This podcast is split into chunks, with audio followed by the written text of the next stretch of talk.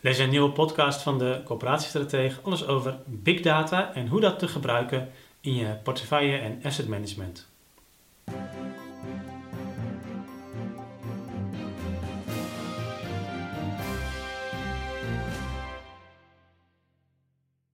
Ja, big data. Het betekent eigenlijk niet veel meer dan dat er gewoon ontzettend veel data is. En eh, voor je portefeuille en asset management is vooral die data relevant die er is over de woningen die je eh, binnen je asset management gaat eh, beheren en gaat, gaat aansturen en hun bewoners.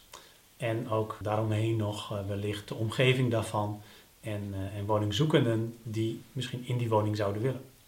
Er is dus heel veel data. Er zit al heel veel data in je primaire systemerscoöperatie.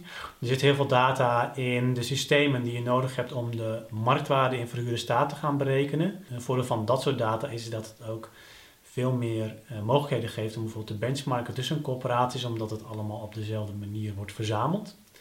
Uh, er is heel veel data binnen coöperaties al ja, niet zozeer beschikbaar, maar het is er wel rondom dienstverleningsprocessen, rondom bijvoorbeeld klachtenafhandeling. Er wordt heel veel data verzameld die niet per se direct toegankelijk is, maar die er wel is en die je toegankelijk zou kunnen maken. En uh, er wordt natuurlijk ook door heel veel externe partijen heel veel data verzameld over woningen, over hun bewoners. Uh, dat vat ik dan maar even samen onder de term marketingdata. En ook dat soort bestanden kun je op straatniveau, postcode-niveau of op complex niveau kun je heel veel informatie uithalen over je eigen bewoners en ook over de omgeving waarin bijvoorbeeld complexen gelegen zijn. Nou, wat kun je daar dan mee? Je kunt bijvoorbeeld kijken waar de scheefwoners wonen en uh, hoe dat uh, gerelateerd is aan de huur. Misschien is de huur van een complex wel relatief laag, terwijl er juist veel scheefwoners wonen.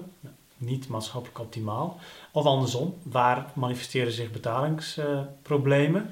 En misschien wil je die ook wel gaan voorspellen, die betalingsproblemen. Je kunt met die data gaan kijken waar is de kans op leegstand het grootst.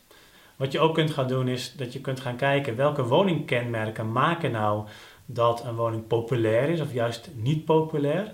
Welke woningkenmerken maken ook dat bijvoorbeeld het onderhoud veel duurder is dan bij vergelijkbare andere woningen.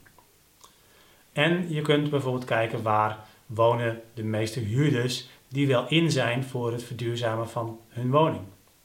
Allemaal voorbeelden wat je met big data kunt doen.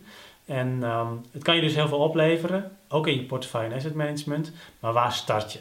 Nou, ik zou uh, je aanraden om altijd als eerste te starten bij de data die je al hebt, om die beter toegankelijk te maken. Dus dat is de data in je primaire systeem, in uh, de systemen voor de marktwaardering in verhuurde staat, alle achterliggende gegevens die daarbij uh, gebruikt worden. En alle tussenproducten die daarbij gemaakt worden. Allemaal relevante data voor je vastgoedsturing, je portefeuille en op asset niveau. En ook de data, en dat is vaak wat lastiger om dat echt toegankelijk te maken. De data die wordt geregistreerd of die gebruikt wordt voor je dienstverleningsprocessen en voor bijvoorbeeld klachtenafhandeling. Zorg eerst dat je dat goed op orde hebt, dat je dat in kaart hebt, welke data dat is, uh, hoe je die data kunt gaan gebruiken. En zorg er ook voor dat dat echt goed in processen wordt vastgelegd en in software wordt vastgelegd op zo'n manier dat je het ook echt kunt gebruiken beleidsmatig.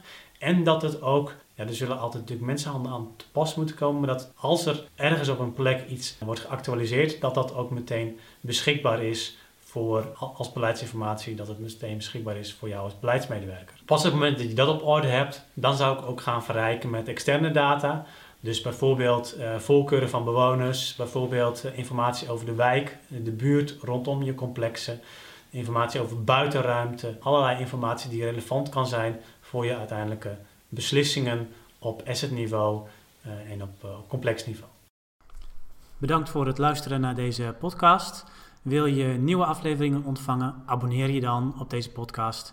En kijk ook eens op onze website corporatiestratege.nl voor meer praktische tips en downloads die jouw werk als coöperatiestratege makkelijker maken.